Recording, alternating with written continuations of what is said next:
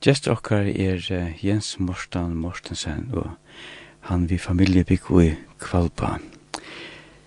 Telefonnummer til okkon er uh, 2,5 Telefonnummer til okkon er 2,13,7 og sms-nummer er 2,13,7 Teldeposten er lintin, kurlalintin.fo Hjertet velkomna senda til bønner under inn. Jens, velkommen. Ja, men uh, takk for det. Du er ja. til Sur, ja? Ja, jeg er Sure. Og du ringte til min ene for i november måned halvtid. Og bjør meg inn her at til et prat, og det skulle så især være et, et, et prat om, om mengt og kvæt. Og så jeg husker i meg om at om, om, om en nå rett personen her, og tåsa vi tåsa i lintene. Men jo, hvor ikke det her, det er godt å være, og, og det er så leis at uh, vi bare er i familie. Og det var jo avhverst, og det er så jeg sier, først og fremst at vi bare som så tåsa saman, og eh, det er hetta vi familie at um, man, man spekler for egen oppfyrir hvordan enk du hever toja vi familie. Um, det er ui tjar vær gjerarfer ui vage og hentan jæraferien vær av gamla kyrkjegæren i Vage. Og det er så første fyr at jeg har haft en jærafer i Vage og, og at jeg skulle være i gamla kyrkjegæren. Det var så ser ve, ve, vekkust vevor og solen skein og vi fyllt og fylgje fór i, fra, til gongu fra kyrkjene iver og i gamla kyrkjegær og i vage. Nu er det det avverda at eh, omma min er griven av gamla kyrkjegæren og i vage. Og vi kom så av kyrkjegæren og solen skein og påskalilnar stå i her Og så ta vi gjerraferien vær Lio for det så ivor og fann grøvna tja omme moin og så stå vi her enn løte. Ta er så tjekk heimater så må jeg si at, at ja, det vær nu undalit. Tui at ta ui uh, omma moin døye ui einofjørt, ta er hon og vi var færen ur voks kyrkje, just den samme veien. Og jeg kjente det som, ja, kanskje har vi nu vært samme, samme, gynne samme tegnen som det gjør det ta, og ein hatt fyllt omme mine iver og gamla kyrkjegær. Så det var en, en, en, en kjolsamt opplevelse jeg få. Tror jeg at jeg er føtter i 55 og omma min dag i 41, så det kan man så ikke, ja, det er så nok var i middelen. Så jeg skulle bare lykke fortelle om disse tankene her. Nu vid er i familie, og familjan er så spjatt, og familja hever nokva sia fyrir ein og eins oppvøkstur, og fire um, hvordan man, man finner seg til rette så livet noen. Så det er, ser av å si det her, sammen med det her, her i, i kvöld. Og vi skulle nok få et godt prat til nok at tåse om. Det har vært eh, vært første, og så har det vært postjer, og jeg vil meta til at, at det er så sera, sera tøytningar og sterskar frasagner vi heva og i Nutsa Testamentet, ta som vi lesa og i første tøyene, sera vikommande frasagner som alltid eh, nema vi ein og, og, og man spyr hver er man og i løyven om sjolvor, vi kunne bare minnast årene som uh, Pilatus sier, kvært er sannleitje. Og det er jo en spurning om, om vi ikke alltid som mennesker leita etter sannleikene i livet. Og så er det postene som, og, og, og her er eisen nok hva tås om, postene er og ein hatt ein nudj byrjan, så Ja. Eh påska morgon var fyrsta dagen i vikene. Og det er jo såleis vi eh, kanskje skulle huksa ut fra påsken at, at påsker er kvann det er i okra luive, kvann en morgon. Så ja, det er det er å sera, sera eh, frasakner som kunne røra vi okkon og nema okkon i okra livet. Jeg har valgt nekrar, nekra tonleik til i det, og kanskje hava dit spalt eit le i byrjanene, nu kjem så eit le. Hvordan er det le, ja?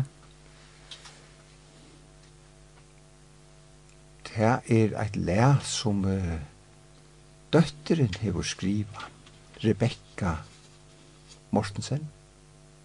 Og det er eh, eldsta døtteren som er fra Fyrirgifto. Hun bor i København.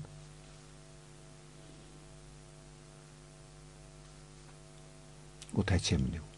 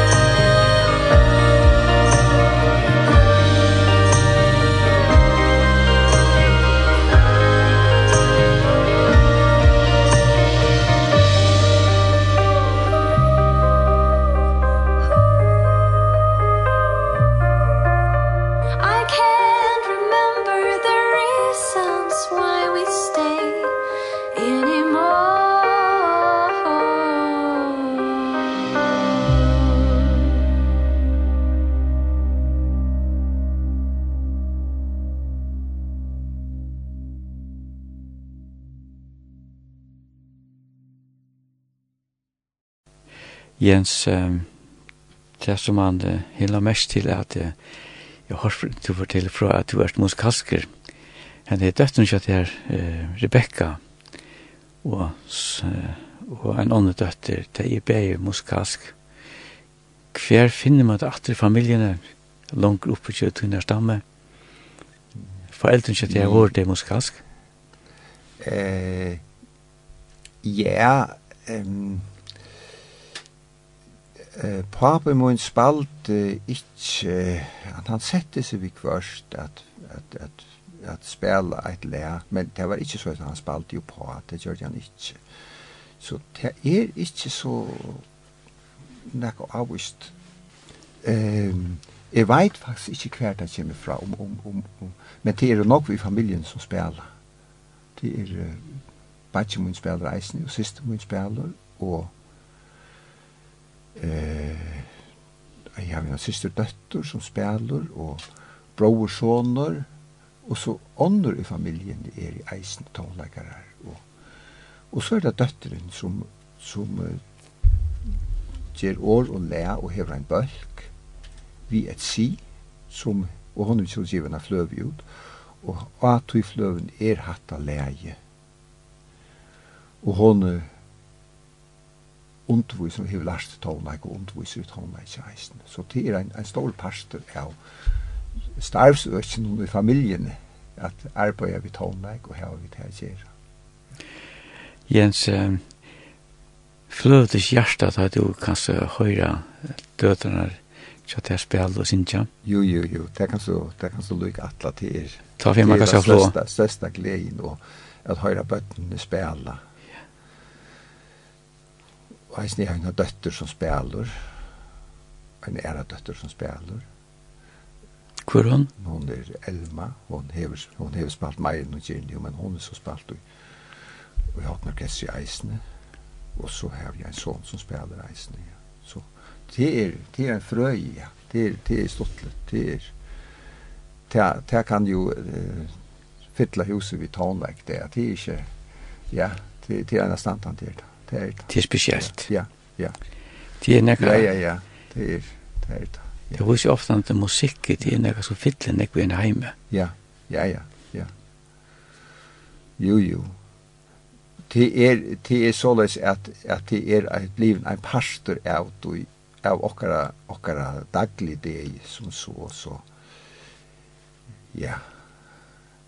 Så det er, det er kanskje, man hoksa ikke nek om det at det er så, så godt og, og så opplykande. Ja, ja, ja. ja. Man blir se att, man blir se at at at at musikker og seg sjål til at sjål til mennesker er nye kort. Da det kommer til musikken, så er det musikker som litt er oppe i hord, med ene som besank og yrste. Og da er hun var nye i som løyve, så tatt hun ikke teka må sitte fram og så spela det eit godt lea og ta litt igjen oppa. Ja. Så står tøytning ja, ja. hevet da. Ja, ja, ja. Og det er eisne, jeg har brukt da et, et synder og imun og arbeid nu som prestor. Vi kvørst, så så er det vi kvørst tørvra orgeleikere og vi kvørst er det så at jeg spiller og vi hava et, et, et fint klaver i Kvalberg kyrkje, og det er reisen i Øren kyrkje, så pleier vi å sette dem i og spela. Ta vi ta i korsetting er til dømes, og kistan kommer i kyrkjena, så har vi, har vi gjørst det her, ja. Det, det er godt at, at sidan er løt og lust etter tonleik, ja. Det er omvettelig godt, ja. ja. Så. Jens, det er ikke mye om det at uh, Til som prester kjem til nek kontakt i folk og imenskar situasjoner som folk er ui. Altså, så heter det øyla breit eh, uh, breia fjöld som man skal teka seg av. Ja. Yeah. Kjem til nek ut til folk på den måten? Ja, det vil jeg nok sija. Nå er jeg ui, ui, uh, her sjore, og tar man fer ut så er man ute med til folk og uh, og nu har jeg så vært her så er prester i 20 år og så vært jeg så 23 år sommer og det er så atlan at jeg færre fra vegna alders og det er i, i midt i juli måned så tog en gang kjøtt men vi har så vært prester om alla sorøytene og, og vært i øtlen kyrkjen om. Og ja, man skulle sagt takk for tøyene. Sera, sera god tøy. Man kommer ut og her er alt du folk i kyrkjene som tar imot i einon.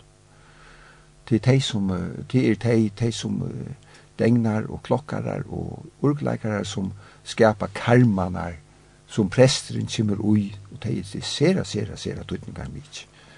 Og til alt er fjolt og, og stortlet har kommet ut, tog at man hittir folk og tåsar eisen om hva det henter og, og man færa prat vi, vi folk sinne vi öll de som, som er her. Så til det skal være en stor takk som, som skal joa til Og eisen, og så er eisen tar man kommer nord om i kyrkjene, norr fyrir, og det er så om, om alt landet, og i öllum kyrkjene.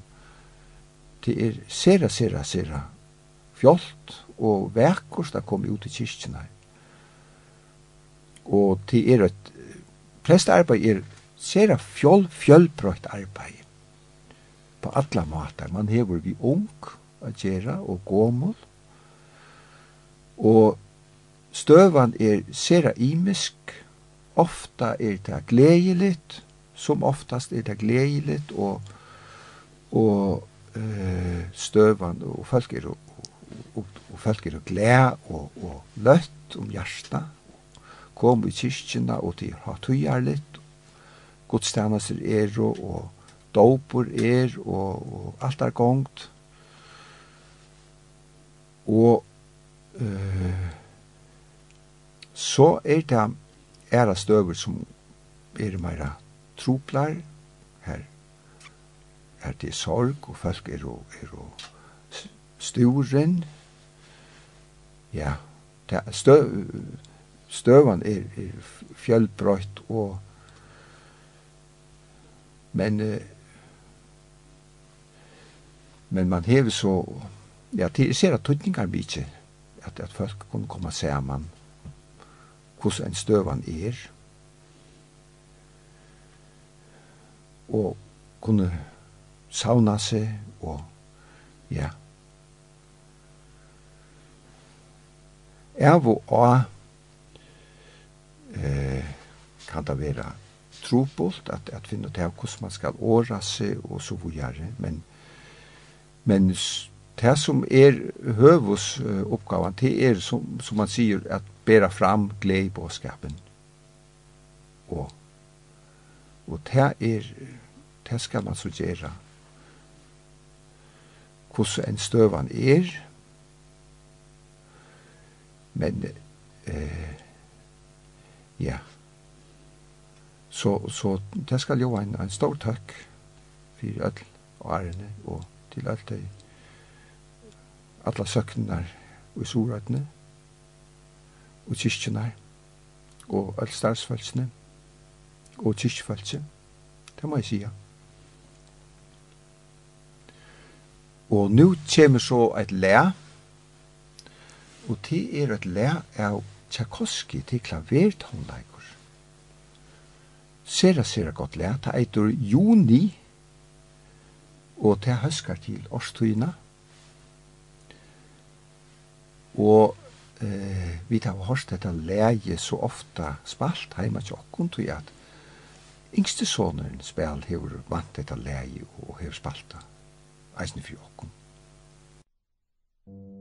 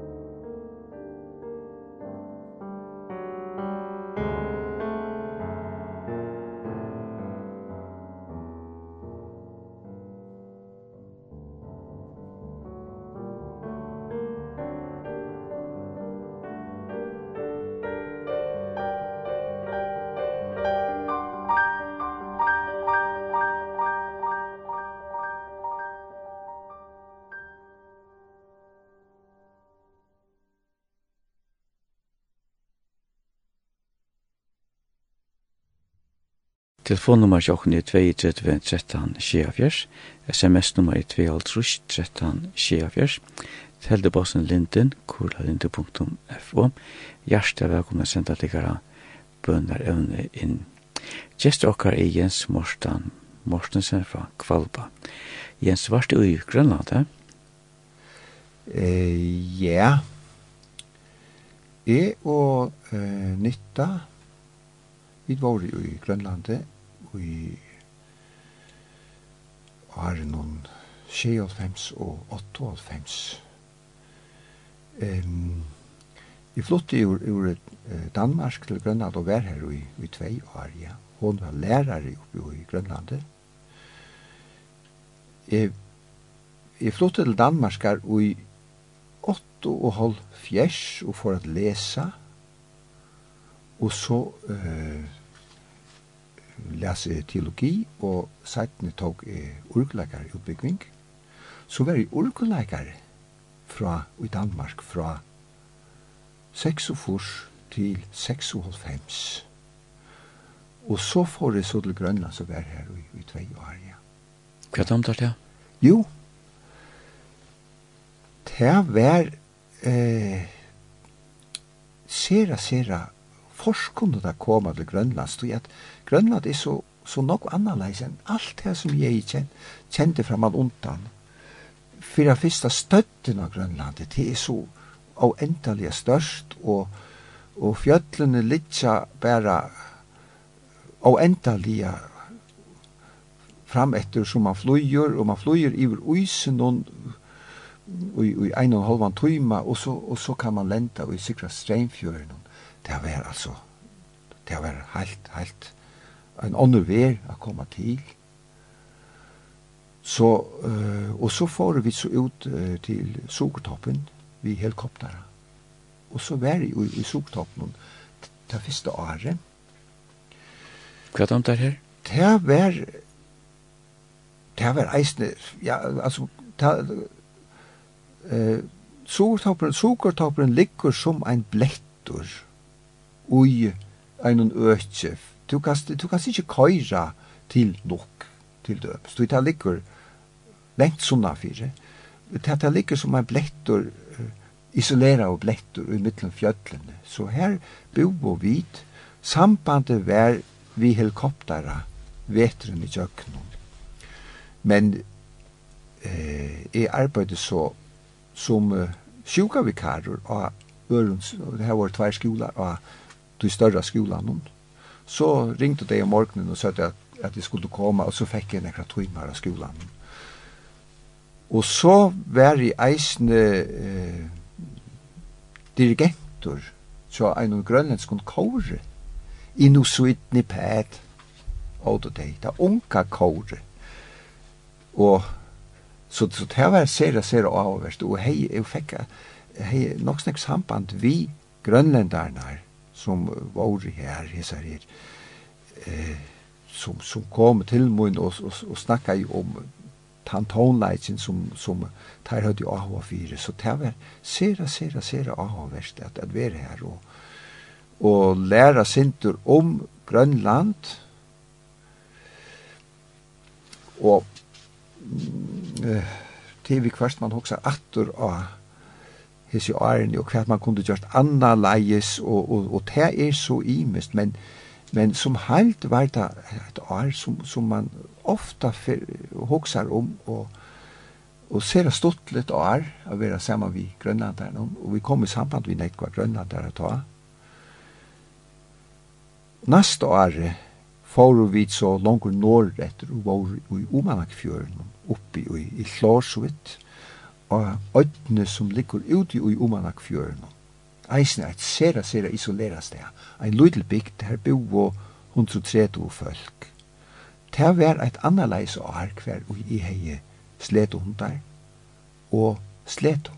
Og her kort vi ut i og nytta konan ut og fiska og, og gjør det hål i uisen og fiska og og Hva er det om det? Det var det var sera, sera, sera spännande och ja, man, man förstår det inte ordentligt att, att det blir till och att, att det är så löst man ger. Men, men jag halte att, ja men, som man som man säger, lejbär till, lejbär till brott så gör det det och, och fick fäter i hundar som vi inte köpte men som, som vi skulle så bara lätt innan så tar vi fåret. Det var så, så avtalan så vi körde vi han så vi vi och Er ikke visse kunst å styre hunden nå? Jo, jo, jo, jo. Det er vi for seg selv, da? Og i festen, hei, kunne de ikke styre dem. Så teir, jeg sett der for sletene, og så løste man, løste, løste jeg, og så var jeg bare halda fast ut, og det runde jo sted, og det runde heim til fyrre eieren, han, han som åtte, åtte der fyr, det runde heim. Gjør det, ja? Iver uisen. Og jeg måtte bare halda fast, og, og leta meg hala. Det er bedre i en goa drakt, enn en nylon drakt, så hon, hon var god at, att gloja etter uisne och Jeg fyllde bare vi. Men så vi og vi fikk det där stort der, så, er, så det var jeg som bestemmer yeah. der det får. Yeah. Så där for ut, ut etter uisne. Ja. Jeg forstår det, det, er, det er kunstig vi har styrt dem. Ja, ja, ja, ja. Og jeg, jeg spurte själv han det här, uh, grønlenderne som vi kjente hvordan, hvordan man skulle gjøre. Men man får fram etter fram til der og, og ba, uh, beite der rattan, rattan vi er. Altså. Og så da ja. ja. Vi, vi har jo push, men jeg brukte ikke pushen som så, altså jeg tog ikke å bruke pushen, men altså gjør det så godt som jeg kunne. Ja. Så, så det har vært sin tur. Man var, som, som man sier, amatører, at vi gjør ikke noe Men, men, det, men vi klarar det så och kom ju i väl ut jag i isen ofta och och sett dessa lönerna som man man kan plata för ändarna lönne och hon fer så nior ut och checken och lägger sig fram efter svimmer fram efter och tar lönna vissar. Så lönna kommer lite efter botten och så Og så bojer man det sitter, så tekker man lønnen opp at og her var svart kalv, og. Var det det, ja? Svart kalv, og. Og det gjør det de som bor i bygden, de får så langt ut. Og kom så atter vi fotlærslet og, og landa og til uh, flekavirke som var her og i bygden. Jeg var vel litt flekavirke som skulle, som, som var i drift, ja. ja. Var det nekket ute skjeit? Jeg var ute vi, vi egnet av fengaren noen, Og i 80 eina rifle, eina svenska rifle, Gustav Adolf Adolf. En sånn en rifle som nok stava fra heren men og så skjeit i ein kåp men eh, jeg veit ikke mer domte ikke rettelig at sjåta, sjåta kåpen han Jeg rakte han først og særte han og så lå han bare i, i, eh, og, og, og høyte opp i vannflaten, og og så hukte han på meg vid sånne store rundt i egen, og så skulle jeg kjølte han, og mer domte det altså ikke det. Men, og vi tar ikke han så vi heim, og, og det er så løs at man skjøter sin første kopp, så kommer folk vi gav han, og det gjør det. Ok. Og vi, vi flett kåpen, vi slakta av kåpen, og skåre skinni av, og, og finnes kåpen heim, og i, i boksen til okkur. Hvor smakkar den? Og vi åti av det, ja, altså, det, det smakkar, man smakkar at det er kåpor, men jeg veit ikke, det er så underligt vi, vi, vi, vi, vi mærte, at vi åti ikke så nok vi av henne, vi åti sindri av henne. Ja. Kanskje domte vi det ikke, ikke så godt, det var ikke så, så mattelig til åkken at det er kåp, alt jeg veit ikke. Det er ganske hver som mæter. Det er hver som mæter og... Ja. Og, ja. Det er en annen mentan, og man skal lykka venja seg vitt. Ja. Skal man ikke omstille seg til mentan som det er? Man skal omstille seg til den mentan, ja. ja. Det er forstand det at Føringer og Grønlander kom øyne vel til alt. Ja, ja. Og det tar ikke sera, sera vel mot i okkon. Vi søtt og sa vel limmiot. Hva merker det? Det er vi fyrir her. Og fyrja, ja, ja, ja, ja. Jo, jo, jo, jo. Og, og, og her var, her er eisne noen grønlander som kjenner godt føringar, at noen føringar har arbeid i Grønland. Og, og det, er vidar godt, ja. Her er ikke nok samband, det er det, ja. Svepa om Kjømme, han arbeider oppe her som føringarhavn, føringarhavn og sunnar tog. Ja, ja. De det øyla godt. Ja, ja, ja, ja, ja. Var torsk klima. Jo, jo, jo, jo. Så, så, Så hetta var et sera, sera spennande år til okken, og vi var her fra august, og så forut så heimater vi helikopteren i juni, ja, og ta vær. Og Ísren kom så til Ari og i om joltøyr og fram etter og januar. Så begynte vi da genka Ísren og, og midt i januar, hadde sett helt av januar. Det var helt særlig da, for første fyrir ut av Ísren. Vi hadde ikke omgang kan du prøve det fyrir. Fast man tar bräka ju, tar nutch ju isen bräka det synter. Men men det är så mycket elastiskt det tar fer inte. Och ta minst det att ta tar vi så sett i hål och och fiska ju. Ta finka vid steinbut. Det var nog vi steinbut där få. Var det det? Ja. ja. Och jag hade tittat samma som heter havkatt av dansk. Ja, akkurat. Det nämnde havkatt. Gjør det, ja. Ja, ja. Ja, ja det var helt, helt særlig det her her oppe, ja. ja. Hvordan man minnes det da? Hvordan er det vi uispjøt noen? Ja, uispjøtner, eh, det var vi anke tog at, at grønlenderne snakka i om at uispjøtner var ute av fjøren. Men omanak fjøren ligger vestanfyr, og kanskje øyne steg hver det ikke er så nok var uispjøtner det er ikke så ofta og i kom her, det er ganske mer estan fire. Men vi, vi var saman med grønnetene som høtt og uispjatnar bjarna kind og som kunde vise at det høtte skått i uispjatnar. Men vi så vi anka uispjatnar, det gjør vi ikke.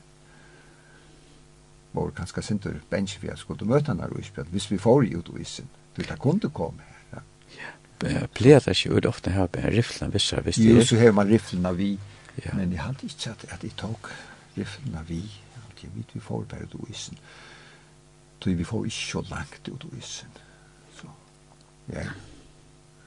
ja. Men det var en særlig sjån å stande ut av isen og hitte inn mot bygdene. Så man får allikevel så langt ut at bygden var lytel her i.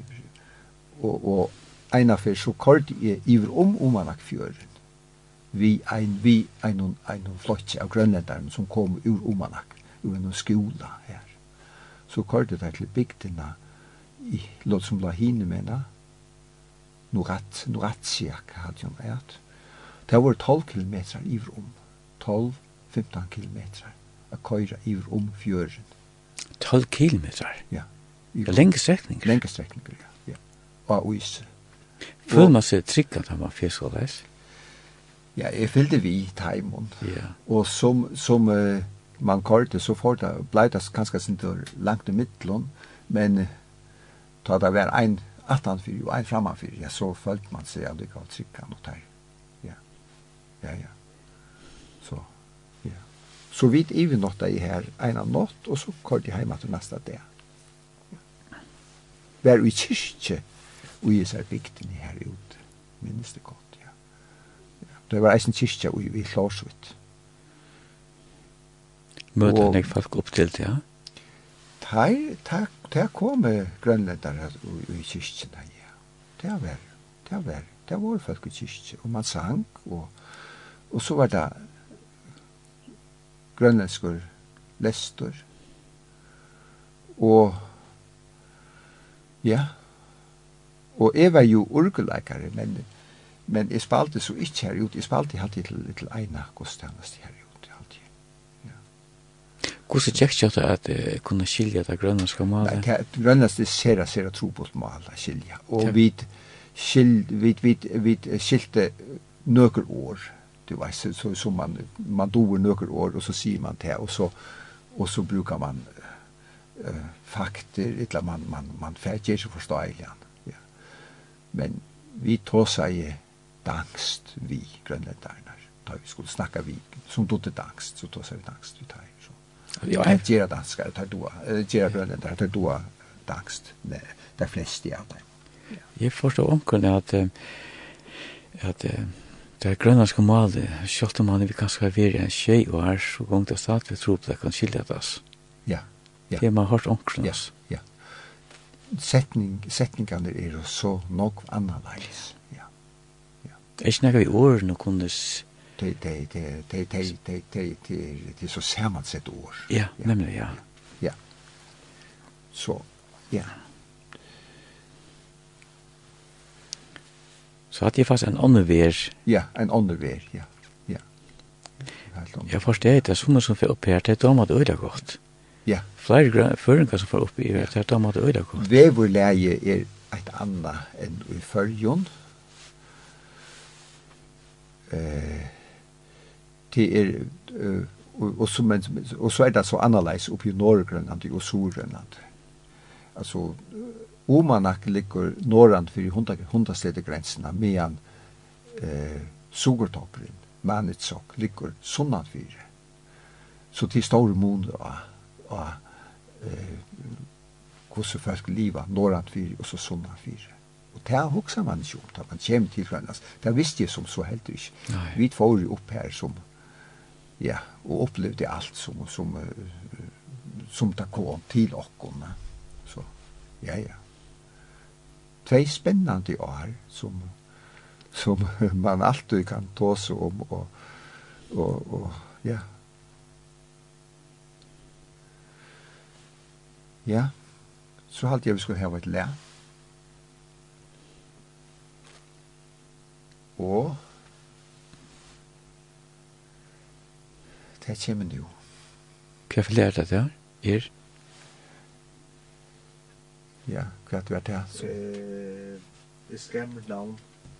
Ja. Et, vi, eh, 2000 og 2008 gjør det er eina utgave av nøkron urkokoralen. Her var ein av dem som eitur i skær mot navn, men jeg skilja at hun ikke funnet til ut, utgavene, så nu kommer en ånder utgave. Jeg gjør det en, en urkokoral i vår i skær mot navn, og i grein til kvite, og, og hun kom ut i 2008 i samband med at tvører kyrkja ble hundra år.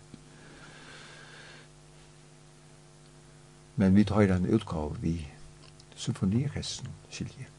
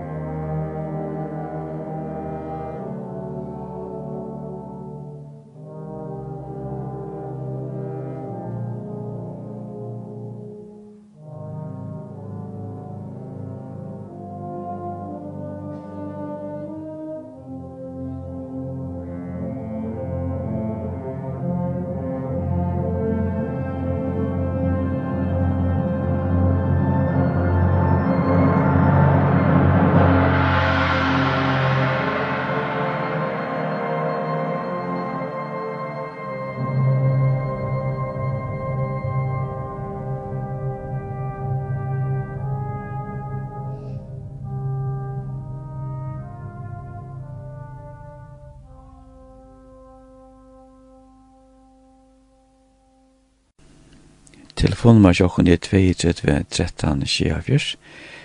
SMS-nummer er 22 13 24. Teltebossen er linden, kurlalinden.fo. Hjertelig velkommen å sende deg bønner inn inn. Gjest dere Jens Morstan Morstensen ur Kvalpa. Jens, du damer godt av innenfor deg, orkelverna. Ja, så jeg... Uh Jeg har spalt, uh, alt og spalt. Vi hadde et harmonium heima vi hus. Da vi bo i Fokla 4. Og det minnes det godt at jeg spalt, det, det ble nek spalt på det.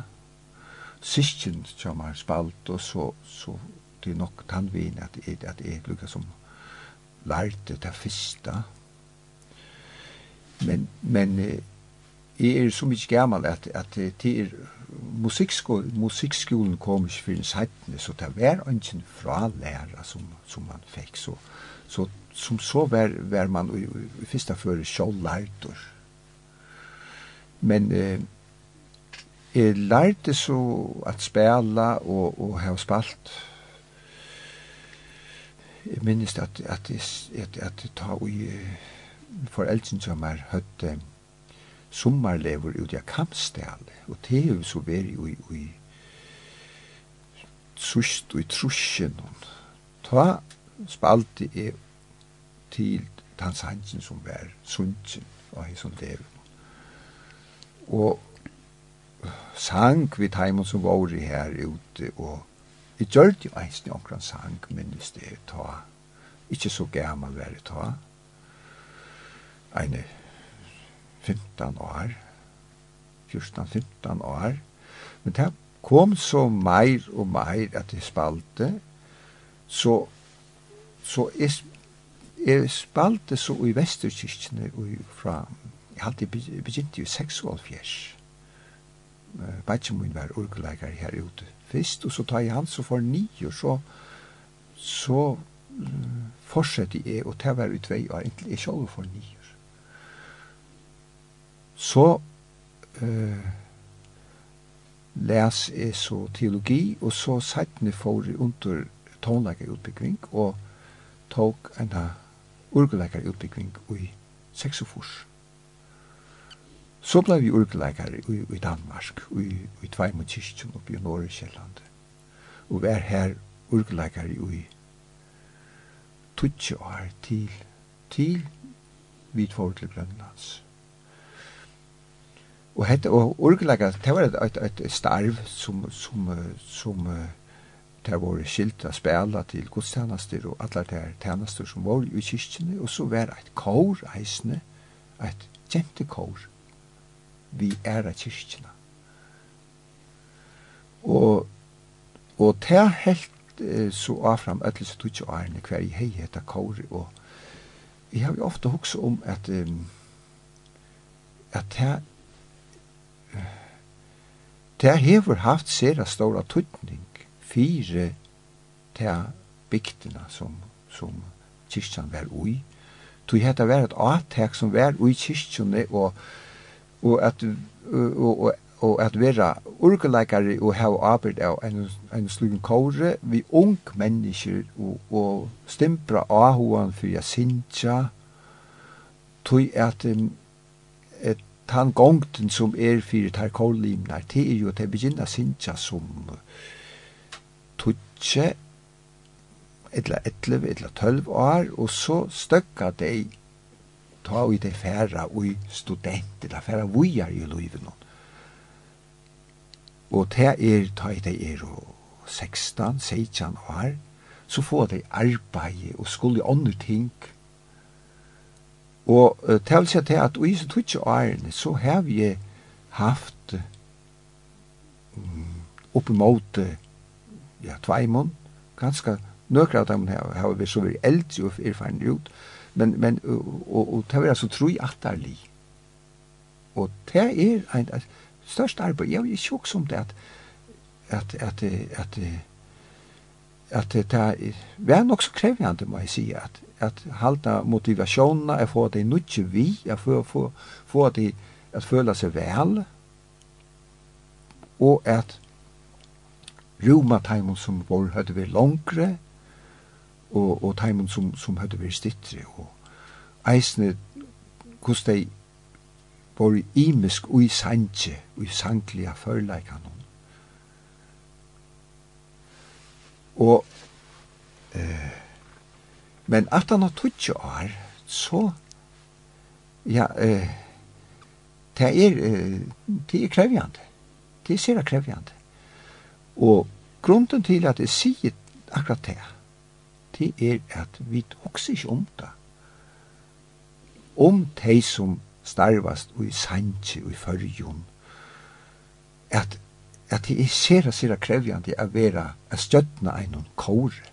Sera, sera krevjande og vi uh, virata overlute i fyrjun halvtid. Og, og jeg sier da tog at uh, ja, ahoven for tonleitje er jo her framvegis og tonleikeren er alt, alt i nekka som alt er vi håndtena, klaveret stendur i stovene og og og tar injer onkel om tonleik og så er man alt alltid beina vi opptidsen av at avgreia notar og, og sojar og sojar, ja. Jeg har vært eisen vi formaver i urglagara felan og i nøkker år, og her var vi så vi i eh, en det hun kallar en nevn som skulle skriva en, et alit, og her, her var jeg så vi eisen, vi skriva alit om urglagara starv i folkakirkjene. Og nu er det komme uh, sett i versk som så veit ikkje rattelig om det verilig er, er, er sett i versk, men det, det er her vi at det er sett i versk. Og ta i så tås om dette orgelægrastarvi og kårarbeid at, at man må verilig setta, setta, setta et vi, størst viri ui at fåast vi kårarbeid, tog at jeg vanlig at dette er et, et arbeid som, som er bedre skipa, så at vi får kår ute i kyrkjen og i fyrjen. Og at man virer tar urklagere som tar av seg at her var kår. Det er størst arbeid. Det er størst arbeid. At her var vi til ikke å gjøre, og at stimbra deg, og eisne at her var, her var, her var vittig å gjøre at han hatt at de at de koma, og så veksa de kjøtt, og ærene genga kjøtt, og, de, og så er de kanskje ur, og ferdig vujar jo løyven. Og så kommer nuts inn. Først år kommer det nuts inn, som man skal uh, hava vi her, og få, få passe inn, og føle seg vel, og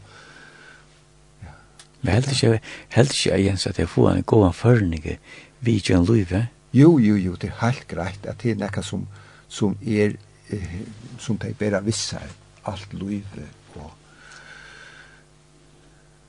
og det og det er eisne at, at her vi tåna kan gjøre til eisne at at arbeid som gjør ja, gjør gode dier og man får glæver til huset atter det gjør man, ja, ja, ja, ja Nekka gode det. gjør er eisne tåna kan nekka han. Ja. ja. eh, jeg har um, rønt at, at um, arbeidet eisen vi eh, føreskar mentan. Jeg gjør eh, et lær til truarjottan som blei sunnje av Ola Søke. Eh, det er tru av sjujan. Og det blei eisen sera, sera vel mot ikke halvtid. Sera, sera fint var det, at jeg gjør det. Og det er et lær til troarjottene som er eh, kvea kjent. Hver man brukar tonlaga stian fra kveavnen og og eh, til rytmene som, som vi har i kveavnen. Og det blei sera, sera, altså jeg var sindur bilsen om at folk kom uh, til Ålasukna og sødde takk for. Det gjør det det herlig, det, det må jeg si, og, og det var ordentlig fjolt at jeg kom ut etter fra Gustavsen og så ut i Ålasukna, hver folk kom iver og, og sette tog ikke håndene og, og så sødde takk for. Ja. Det er ikke fløvende? det? Jo, det er, det er veldig, veldig stått litt. Og jeg halte til at uh, vi i førjon heva eina menn eina eina standande mentan vi kvævun og vi eisne tónleika. Og vi er kanska sindur væren vi at velja bruka hesa mentan og mennana og at flatta hesa mentan inn i til tradisjoner som vi hava og i det eisne kyrkjelig tradisjoner. Eh, Og, og ta eh, er nekka som, som vi omkant du har sett okkom fire, til lukka som ser og ser til vildarlia, at er no ferdig og gjer et, et lært til troar jottanna. Og som så kan så si at ja, men jeg har jo eisen et let til feivar, og det skulle så skal så sættne til, så kanskje det som er kommet så, at, at gjera nu ta i ferja etter løn, at, at, at gjera at at nokkur lø til til ritualene som vi tæva Ui kyrkjene og ja, kanskje det er det som, som vi skal fære at, at vi holdt vi det er det som vi har kanskje av AHO i men eh, Det som jeg husker mer om tid er at vi, vi er nok så atterhaldande, vi vitsjande okkar egne mentan. Det er øyla, øyla løyde stimprande at, at kanskje er folk er sintur sutja ikkje rattelig at det ståra viri i, i førska mentan, førska kvævunum Så det vil kanskje en hvis jeg nu skal enda hesa sending, at, at uh, bera en avheitan til uh, mentamalera, mentamalera og mentamalera herra og til uh, alla stånar om at, uh, at uh, til døms førske danser er sera, sera, sera virusmikkel og at læra bøtten at, at uh, teka logva tek saman og i badnagøren, og i skolen, og alla stedene hver folk kommer saman. til er sera, sera, sera virus mykje. Eisne at læra åttan et. Öll tei indisli og føreske årene, og alla ter setningarna som vi har sagt her i, i kvævnum. Ta se, te, te, føreske som, som joa så vekkast i, i, i munnen og sitte så godt. Det er sera, sera, sera virus mykje tja kommande generasjonen. Så hvis hendan og heitan kan komme ut, at, at, og det man skal lesa nekk, nekk, nekk større dent av det. Det skal, man skal være seta inn av, at nu, nu må det være, at, at vi får førska mentan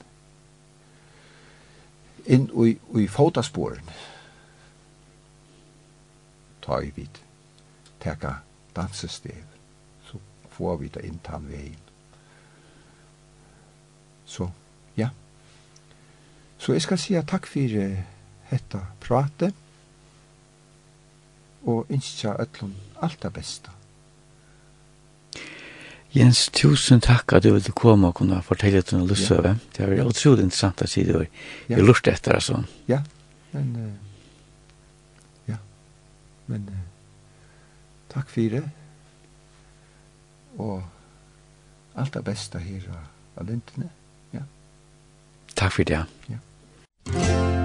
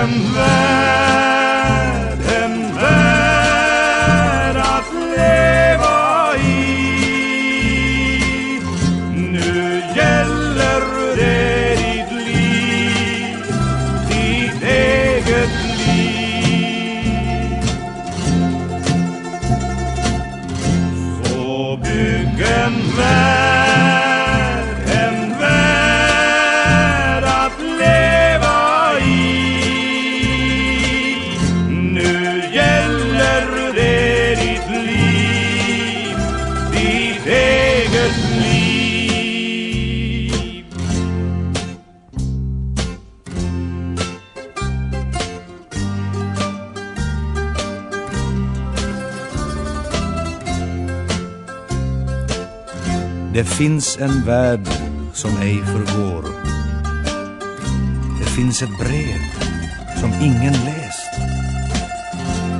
Det finns en vind som allt förstår. Det finns en frihet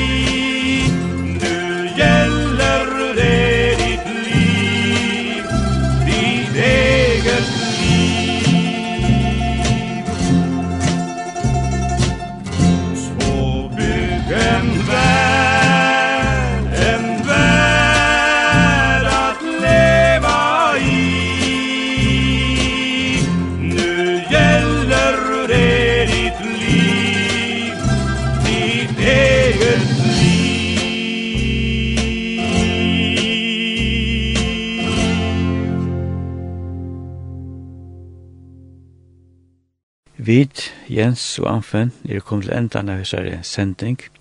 Vi takkar der hjertala for at du har lust etter sendingen. Sendingen vi endersendt månadag cirka klokkan 13.20. En nytt sending vi nu komande høstet. Sendingen vi løgt av heimasøyna. Om du ikke høyra sendingen, fer til trusjondove.fo og så er det savne og vel online bøneprat. Vi dinskja ter og tog tøynon godsrøyk og sikning framöver. Hauta så hjertans godt, at somel. Here I am.